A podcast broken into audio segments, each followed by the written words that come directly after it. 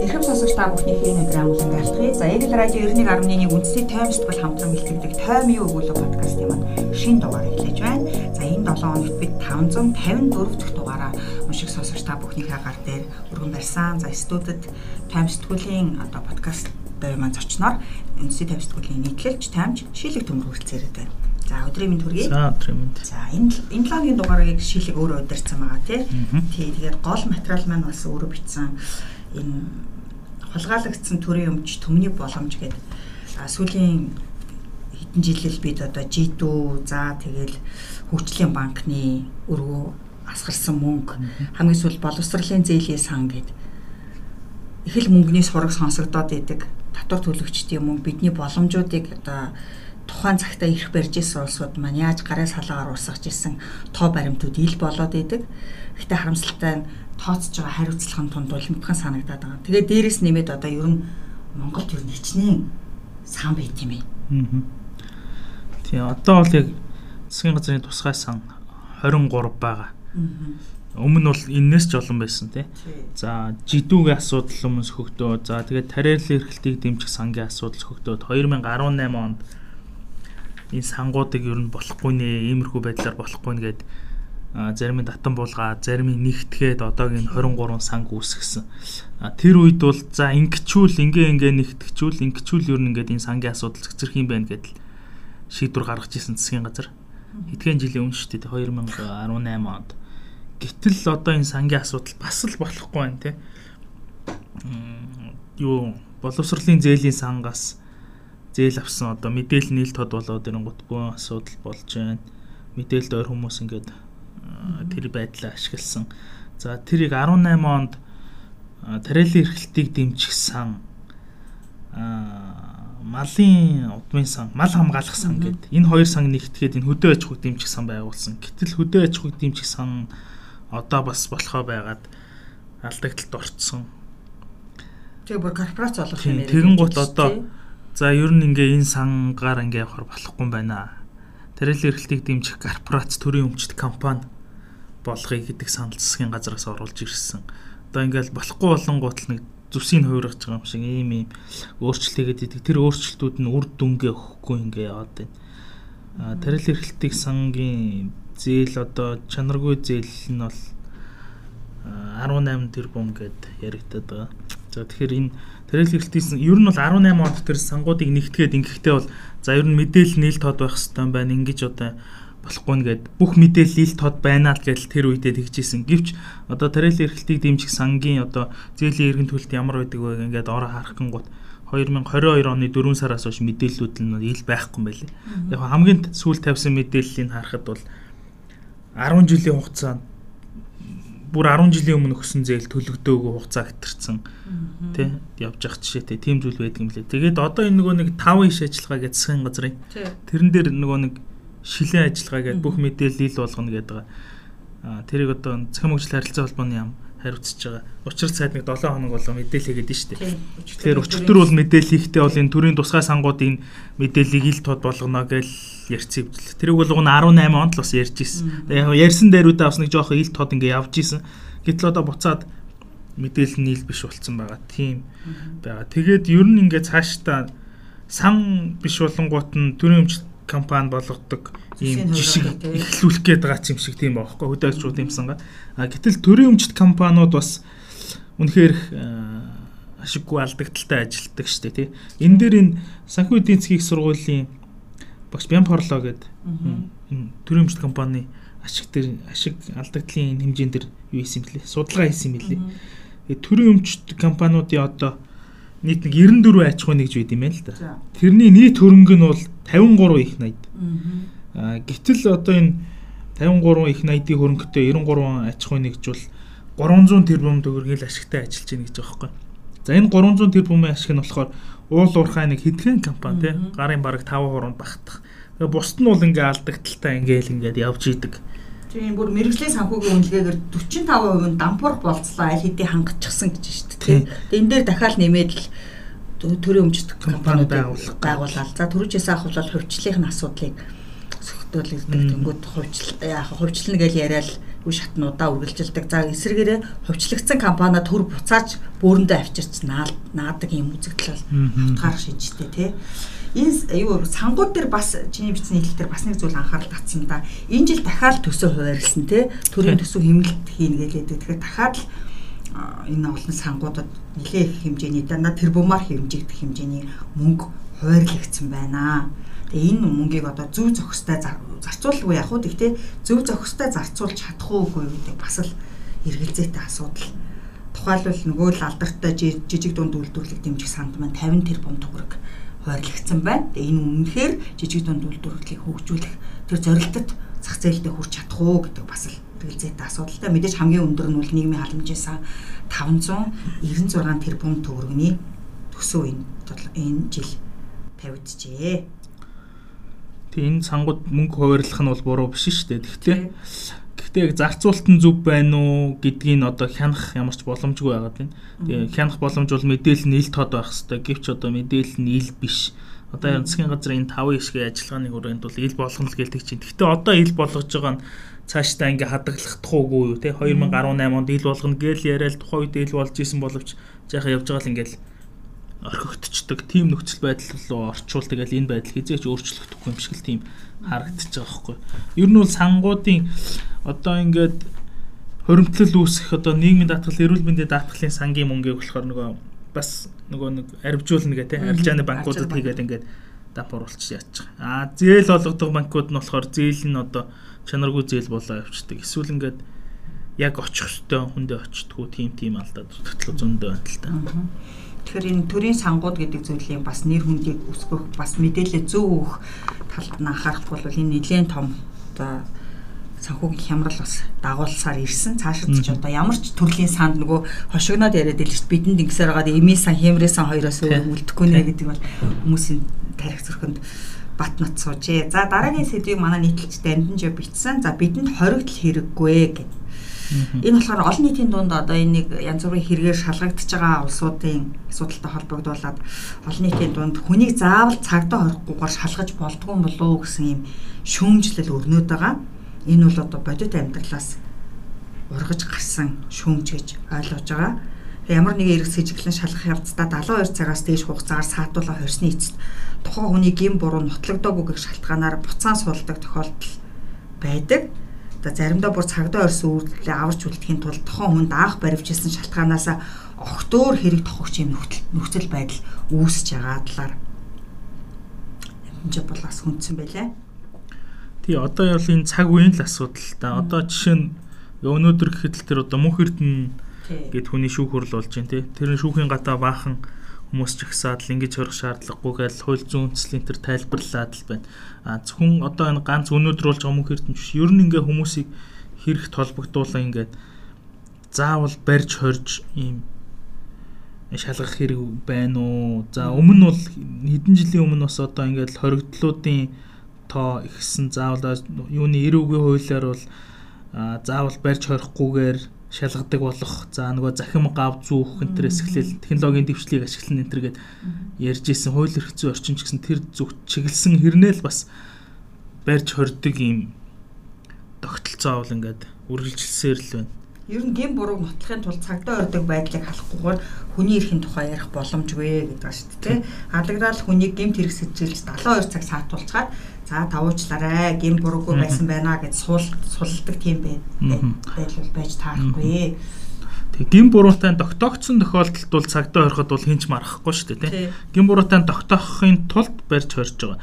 За сая тэгээд дээр нөгөө хүний эрхийн илтгэл 22 оны илтгэл дурдсан байсан. Тэрэн дээр бол одоо ингээд үзэл бодлоо илэрхийлэх одоо шүүмжилсэн юун дээр хууль хүчний байгууллага барьж хорих тэр хүний одоо тэр үйлдэлийг нь таслан зогсоох байдал бас хүний эрхийн зөрчил үүсэж байна гэсэн дүгнэлт бас байсан байна. Өчигдөр бас тэр Монгол хүүг дахиад баримтчин саатуулах тухай тогтоолгороо бас л нэгэн сүлжин нэлээ юу өрнж авах шиг байж тийм шүүмжлэлд өрнж авах шиг байлаа.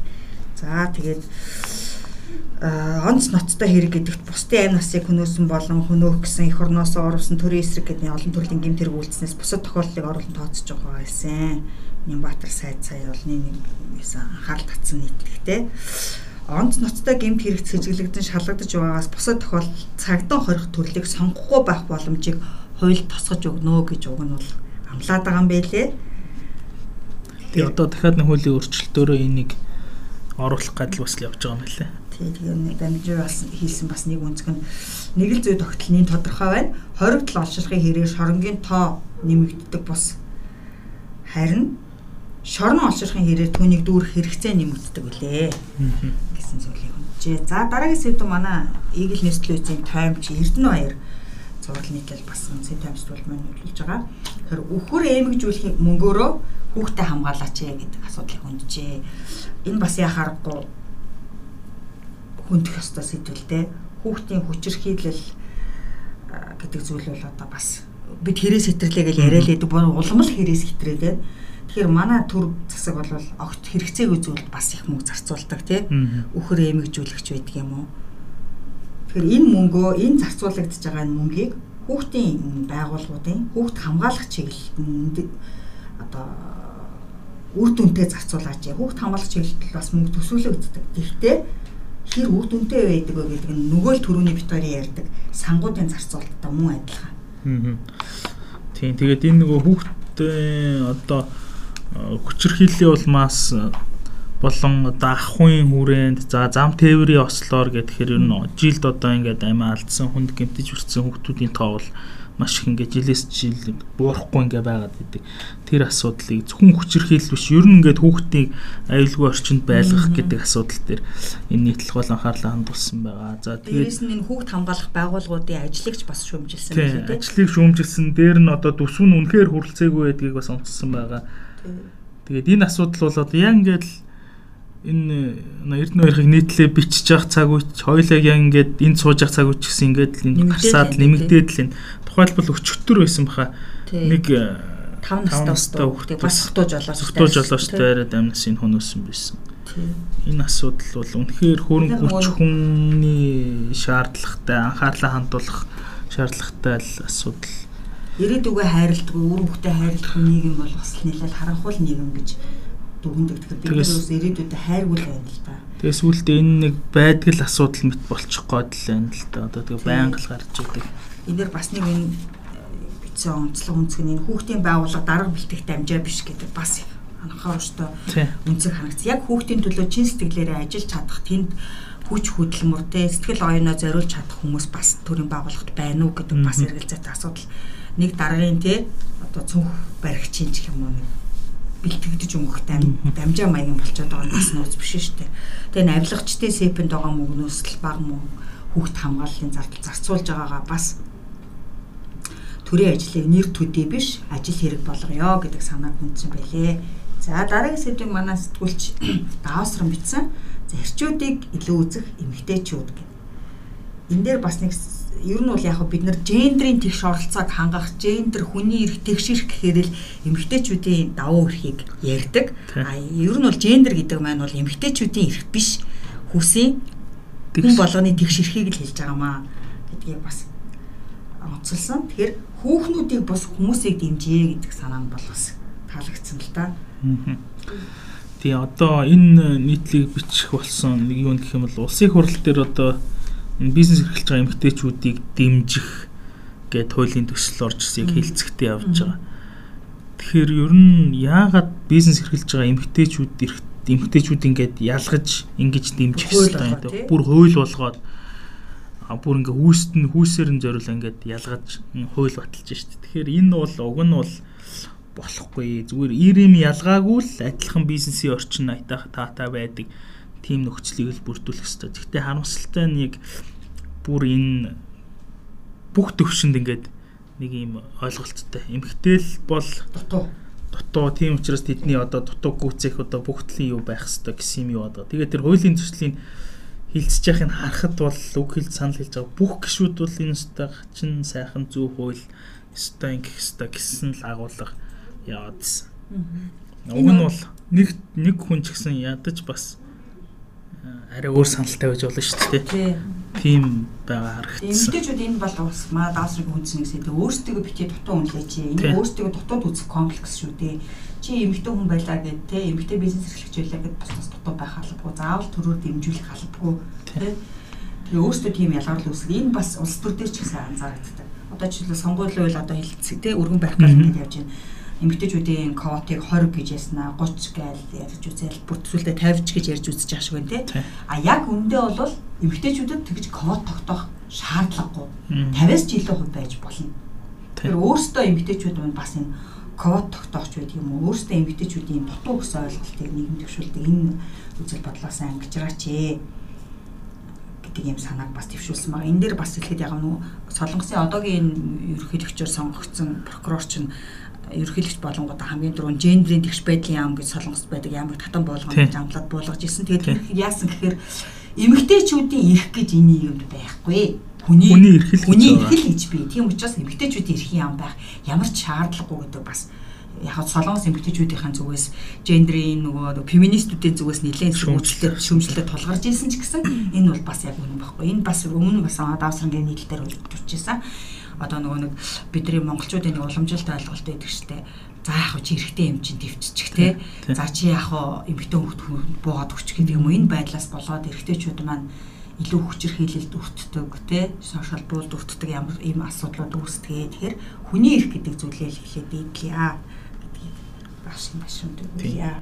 Гэхдээ уг нь зарим эмэгтэйчүүд бас яг энэ эмэгтэй эмэгтэйчүүд өөрсдөө уг нь яг энэ байр суурийг илэрхийлдэг юм. Одоо сонгуулийн хуулийн код энэ төр ярьж яхад бол заавал ингэж ингэх хэрэггүй гэд. Гэхдээ сонгуулийн хууль дээр чи яг эмэгтэй гэж байдаг юм аа. Аль нэг хүйсийн гэд байдаг юм. Тийм гэхдээ тэгж байгаа боловч эмэгтэйчүүд л зориулсан л код. Тий. За дараагийн сэдвийг манай нийтлэл тусын амт. За энэ хавар цагийн өрн цаг ирчээтэй холбогдуулаад бас хүндхгүй байх байж болохгүй нэг сэдвийг хүндсэн байна л да. Цахилгаан дугуй тойрсон мянган эрсдэл. Одоо ингээ гадаа нөгөө цас мус арилаад дулаараад хэлэхээр яг хав энэ бол гудамж замын хөдөлгөөнд нөгөө төвчрэлт бас тодорхой хэмжээгээр нөлөөтэй л дөө. Иргэс ачаалал буун. Ялангуяа яг ундаг дугуйны соёл бол нэлээд нэвтэрч байгаа. Сүүлийн жилүүдэд технологийн төвчлээд байгаа энэ цахилгаан дугуй гэдэг зүйл бас нэлээд дэлгэрч байгаа. Цаг хугацаа, бензин тос төвжил олон юм хэмнэн. Гэхдээ маш эрсдэлтэй байгаа. Ялангуяа манай шиг зам талбай стандарт муутай газарт бол хэрэгжүүлэхэд бас нэлээд юу байгаа. Тэгээ дээрэс нь насан туршаагүй хүүхдүүд ч байдаг юм уу те анхаарал боломжгүйгээсээ болоод цахилгаан дугуйнд яваад эрсдэл төртөх магадлал ундаг дугуй мафедны энэ хэрэглэнээс болоод их гарч байгаа. Энийг анхаарал анхаарах чиглэлээр бас бичсэн байлээ.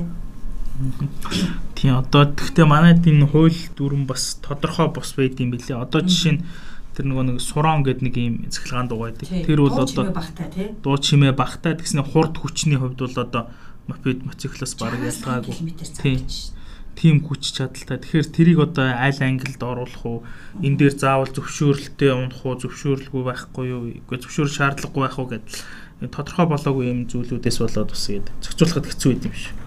Бас тийм энэ энийг уус хуульчиж өгөөгүй дөрөн журамдаа тусгаж өгөөгүй болохоор хэцүү л Тий. тийм. Тэгээ бас эцэг эхчүүд талд ч анхааруулахад нөгөө хүүхдтэй эрхлүүлэх байдлаарч гэдэг юм уу үн хөвсний үед бол машинаас гаагүй боломжийн үнэтэй болохоор ялангуяа алхангийн хүүхдүүд бас аваад юм тохиолдол нэг босуудаа гарч ирсэн. Энэ бол амир бас наацсан эрсдэл шүү гэдгийг анхаарахад илүүдэг баха. За. За дараагийн сэдв манай нэг сарангой тун сонирхолтой сэдв бичсэн.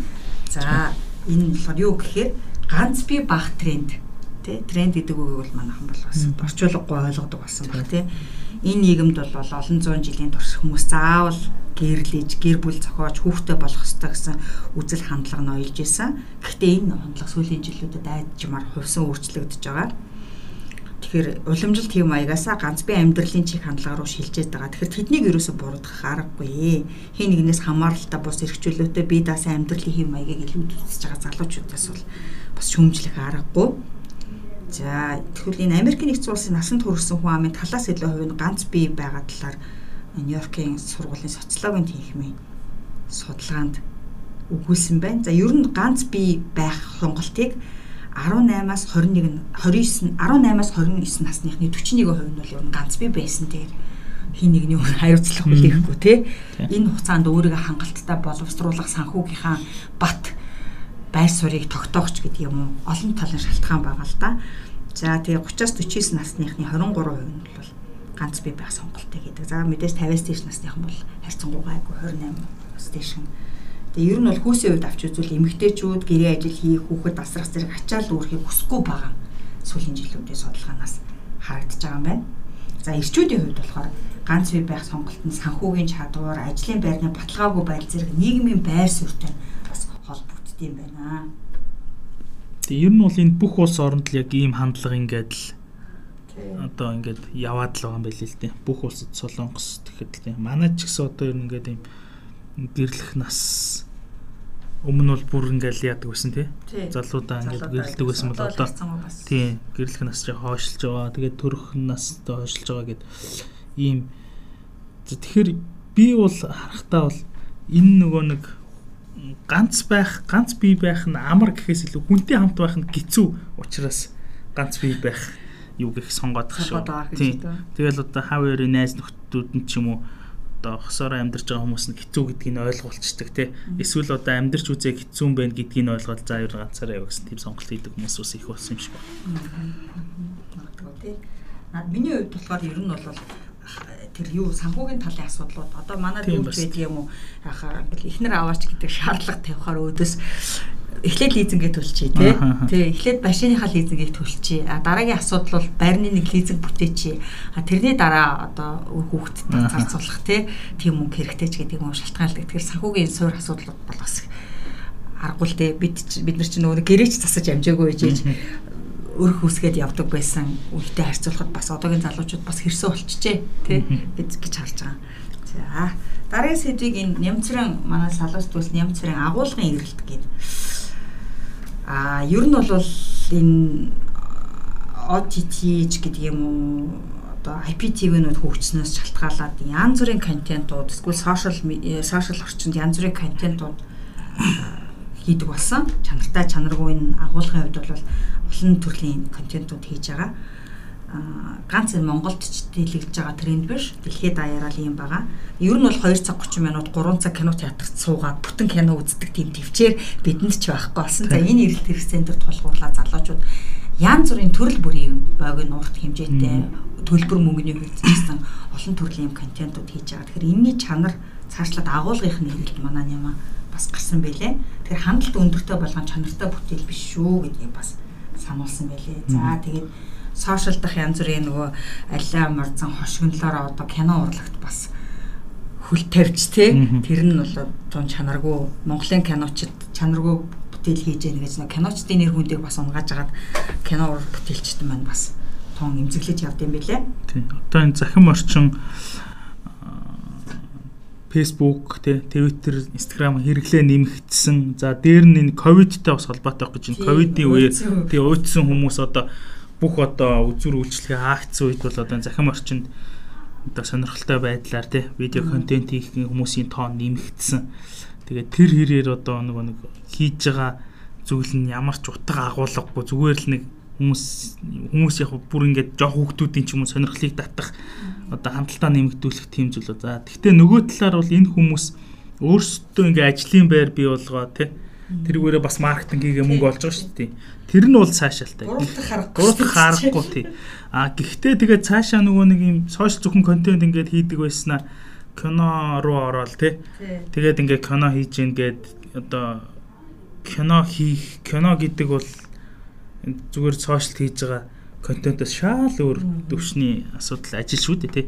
Гэтэл одоо тэр юу гэж яхаа унгаж байгаа тийм зүйл ажиглагдаад байгаа. Гэхдээ дээр нь бас би ингэж бодоод энэ нөгөө IPTV одоо тэгээ янз бүрийн Playmo энэ төргээд видео киног нь авж байгаа газрууд бас ямар нэгэн шаардлага энэ төр тавьдгийн болов уу гүн болов Тэр нь бас юу гэдэг вэ? Хоолн хуудасаас гаргасан ч байдаг юм уу? Өөрөө тийм нэг нийгэмд инфлюенсер тэгээ маркетинг сайн хийчихээр инфлюенсер маягийн төвчний хүмүүсийнхийг бол бас тэгээ шууд л авчдаг. Харин тийм л юм шиг байна тий. Тэгээ бас сонь сонь зүйлүүд байлээ. Одоо тэр манайхны сошиал шоолоод байгаа мөртлөө үзээд идэг нудраг гэдэг тэр сэр цохох арга ухааны талаар харуулах чаа тийм контент нээлттэй хийсэн гэж байна. Дүнгэж тэр нөгөө сэр зохихын шоолж дуусаагүй байтал кинон гараад ирдэг. Тэгэхээр тэр бас залуучуудыг тэр сошиал трендийг дагаад те бас хөрхөө өөрсдөө хөгжүүлээд мөнгө олох байгааг нь бас буруутгах болохгүй юм хоёр талдаа. Гэхдээ хамгийн гол нь уран бүтээл гэдэг юм агуулгатай байх хэрэгтэй шүү. Хэлэх гэсэн санаатай те хэлэх гэсэн санаатай. Манайх нөө контент контент гэж яриа сурцаа. Контент гэдэг маань үнэндээ л агуулгал гэсэн үг шүү дээ. Тэгэхээр агуулгатай юм хийя тэгжээж бас энэ улс үндэстэнд үлдэх юм байх хэрэгтэй шүү гэдэг бас түн зөв баа. За дараагийн сэдв тэд болно бид хитрхи том тоо гэдэг. Бид нар ингээд тоог ингээд тоолдог. За нэгээс ахуулаад ингээд сая тэрбум. За хамгийн ихэндээ хамгийн их тоо бол улсын төсөв их 80-ийн алдагдaltaй байна л гэдэг тоо хэлдэг. Энээс цаашаа том тоонууд байд юм билээ шүү. Хэлэхэд бүр хэл халтрамаар жишээлбэл нэгийн ард 15 тэгтэй бол квадриллион 18 тэгтэй бол квинтиллион 21 тэгтэй бол секстиллион гих мэтэр нэрлдэг. За энэ мэдчлэн тоог нэгийн ард 303 тэгтээ центиллион хүртэл тоолж болдгоо. Уншиж болно. За үүнээс дээшээ дуу центиллион, три центиллион гэд байдаг ч гэсэн одоохондоо харгаах стандартчлаагүй байгаа. Тэгэхээр сонирхолтой жоохон жижигэн жижигэн жишээнүүд байлээ л дээ. Жишээлбэл одоо дэлхийн хамгийн баян хүн Elon Musk одоо центиллион долларын хөрөнгөтэй болохын тулд тулд одоо дараа одоо байгаа хөрөнгө түүний төрөнгөч одоо 1.1 тэрбум гэдэг лээ. Одоо одоо байгаа хөрөнгөө дараагийн 282 жилийн хугацаанд мил секунд тутамд олох хэрэгтэй болно. Тэгээд бодохоор мэдгүй тоо тоо толгоонд багтахааргүй тийм том тоо байгаа. Тэгэхээр яах вэ? Ер нь бол их 80-аас давж тоолох тоолоход бол сэтгэлийн хөдөлгөх тоонууд бий. Тэдгээрийн зарим нь энэ оюун ухаанд байтгаа орчлын ертөнцид багтахааргүй тийм том хэмжээтэй хязгааргүй л гэсэн үг тийм хязгааргүйгийн цаадах хязгааргүй. За энгийн үний хувьд бол хязгааргүй гэдэг бол өөр дүргэлжлэх зүйл баяжаал үргэлжлээд байна. За тэгээ хүний оюун ухаан энийг бол үнэхээр ойлгож авах чадвартай хэсэг нь бол өөр асуудал юм аа. Хитрхи том тооны тухай бодоход хитрхи л их бодох шаардлагатай болох юм билээ. А тэгээ яг энэ дээр бас нэг зөвлөлт маягаар сонирхолтой зүйлүүд хаа нү бид нар гарын хуруугаараа тоолдог. Тэгээ бид нар бол ингээд дохиол ингээд гарын хуруугаа хуруугаа тоолоод ингээд явцдаг.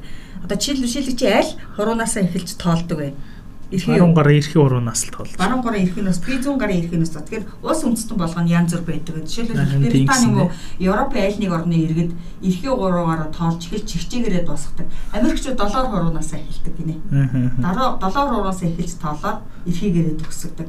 За ойролт орнуудын орнуудад бүрс зэрэгээрээ чигчээ урнаас эхэлж тоолдог. Ингээд энэгээр нь харахаар анх математикийн суурь яаж тавигдсан бас аль улс орны иргэн гэдгийг харж болно. За энтгэхт болохоор үе хоорондоо бүр тоодоо. Одоо энэ хурууны үе хооронд ингэж ингэж тоолоод энэгээрээ ингээд дөрөв аргын тоо ботчихдээ Нэг хоёр гарынхаа 10 хуруугаар 20 хүртэлх тоолж нэмж хасаж чаддаг. Бид нар бол хөлийн ураг ажиллах гэдэг үс тийм. Танзаны тэгэхээр энтгэх суурьтай энэ боловсролын системийг нэвтрүүлсэн Танзан улсын сурагчид болохоор хоёр гараа ашиглаад 400 хүртэл арифметик үйлдэл 400-ийн тоо хүртэлтэй арифметик үйлдэл хийж чаддаг юм гайхамшигтай зүйл байх нэ.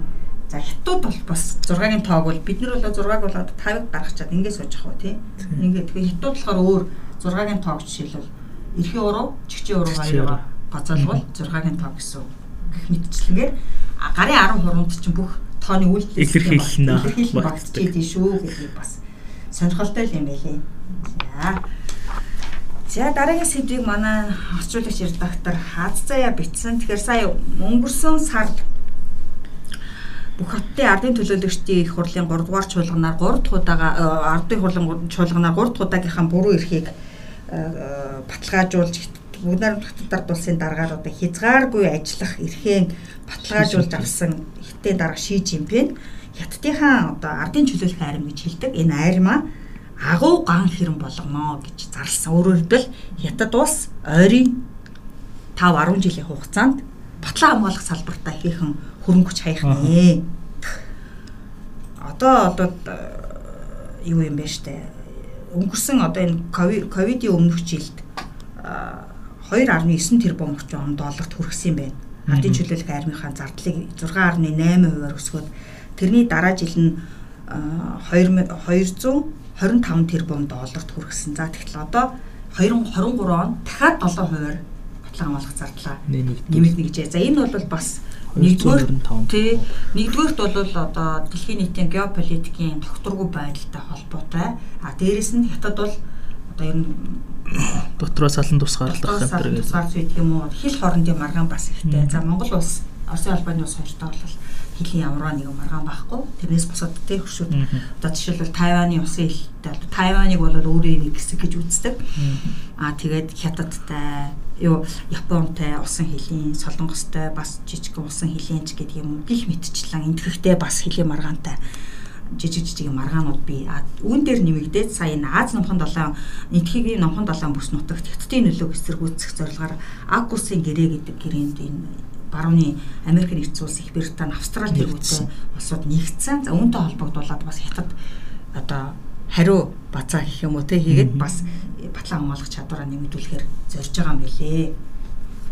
Ер нь бол хятадын айран бол нэлээд том л доо. Тэгтээ юу юм бэлээ?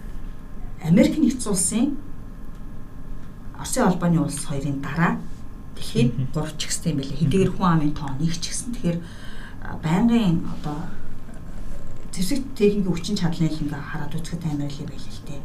450 цөмийн цэник тогшуутай гэдэг чинь бас 19 мянган танк. Тэ. 30 мянган хоёрт машин, 1750 байлдааны онгоц. Гэтэл цааш үргэлж. Тэгээ ардын чөлөөлөх арим 2 сая 285 мянган зэрэгтэй. Эвнээс тэгээ дээрэс нь 510 мянган бэлтгэл нөөц бий байдгаа л гэж. За. Өнөө төршин айрам томрох нэ.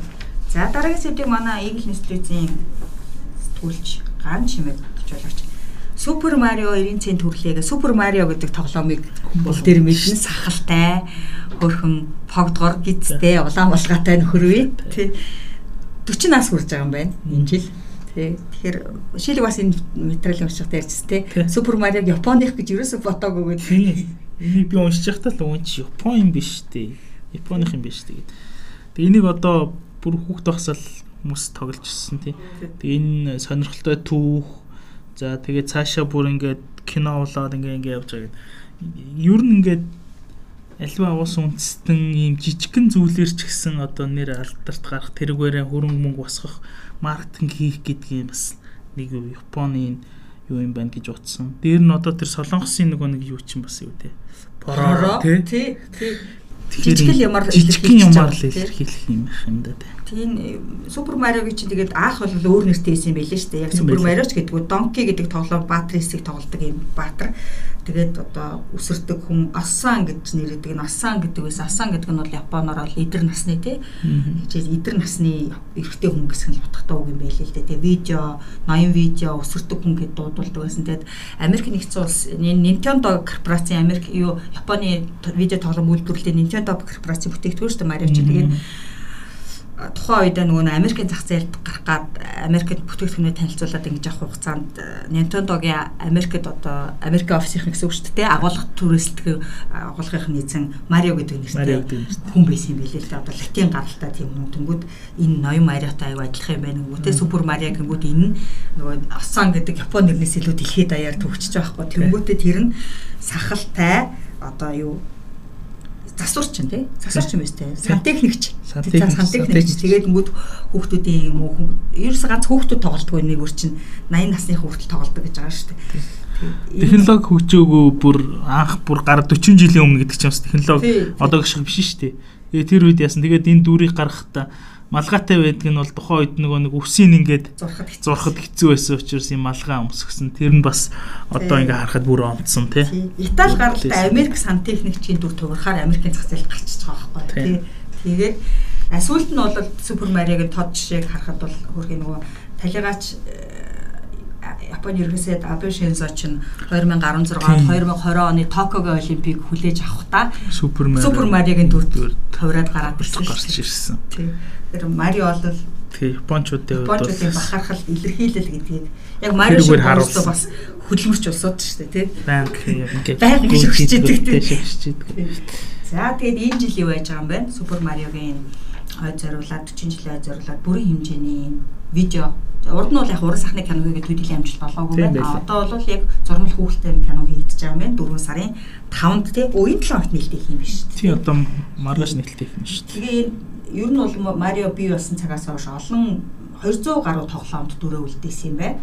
За тэгээ хамгийн сонирхолтой нь бас энэ тоглоомын ая тий Супер Марио тоглоомын дөрөврөг тоглоомынх нь ая нь Billboard-ын жагсаалт гэж байдаг. Энэ жагсаалтанд 125 7 хоногийн турш багтжсэн. Тэр байтугай энэ юуных нь тоглоомных нь хөгжмийг бүр амьд хөгжмөөр тайзан дээр одоо симфони арил хөгжим тоглож исэн юм хүүхдээ юм байна. Тэр эхлэлийнх нь ая бол одоо бараг чихэн сонсогч. Тийм тийм тийм гэж. Тийм. За ингээд Ноён Марио төрсөн өдрийн хүргье. За ингээд үнсэн тавь сэтгүүлийн 554 дахь дугаар багцсан онцлог нийтлэл материалуудаас танилцуулахад юм байна. За уламжлалт тасаар 7 хоногийн онцлог гэрэл зургууд мөн 7 хоногийн онцлог хэршлүүдийг бид бас энэ дугаартаа багтаасан байгаа. За ингээд ирэх даваа гарагт шин содон нийтлэл сурагчлагтай ярилцлагатай их уулзцаая. Баяртай. За.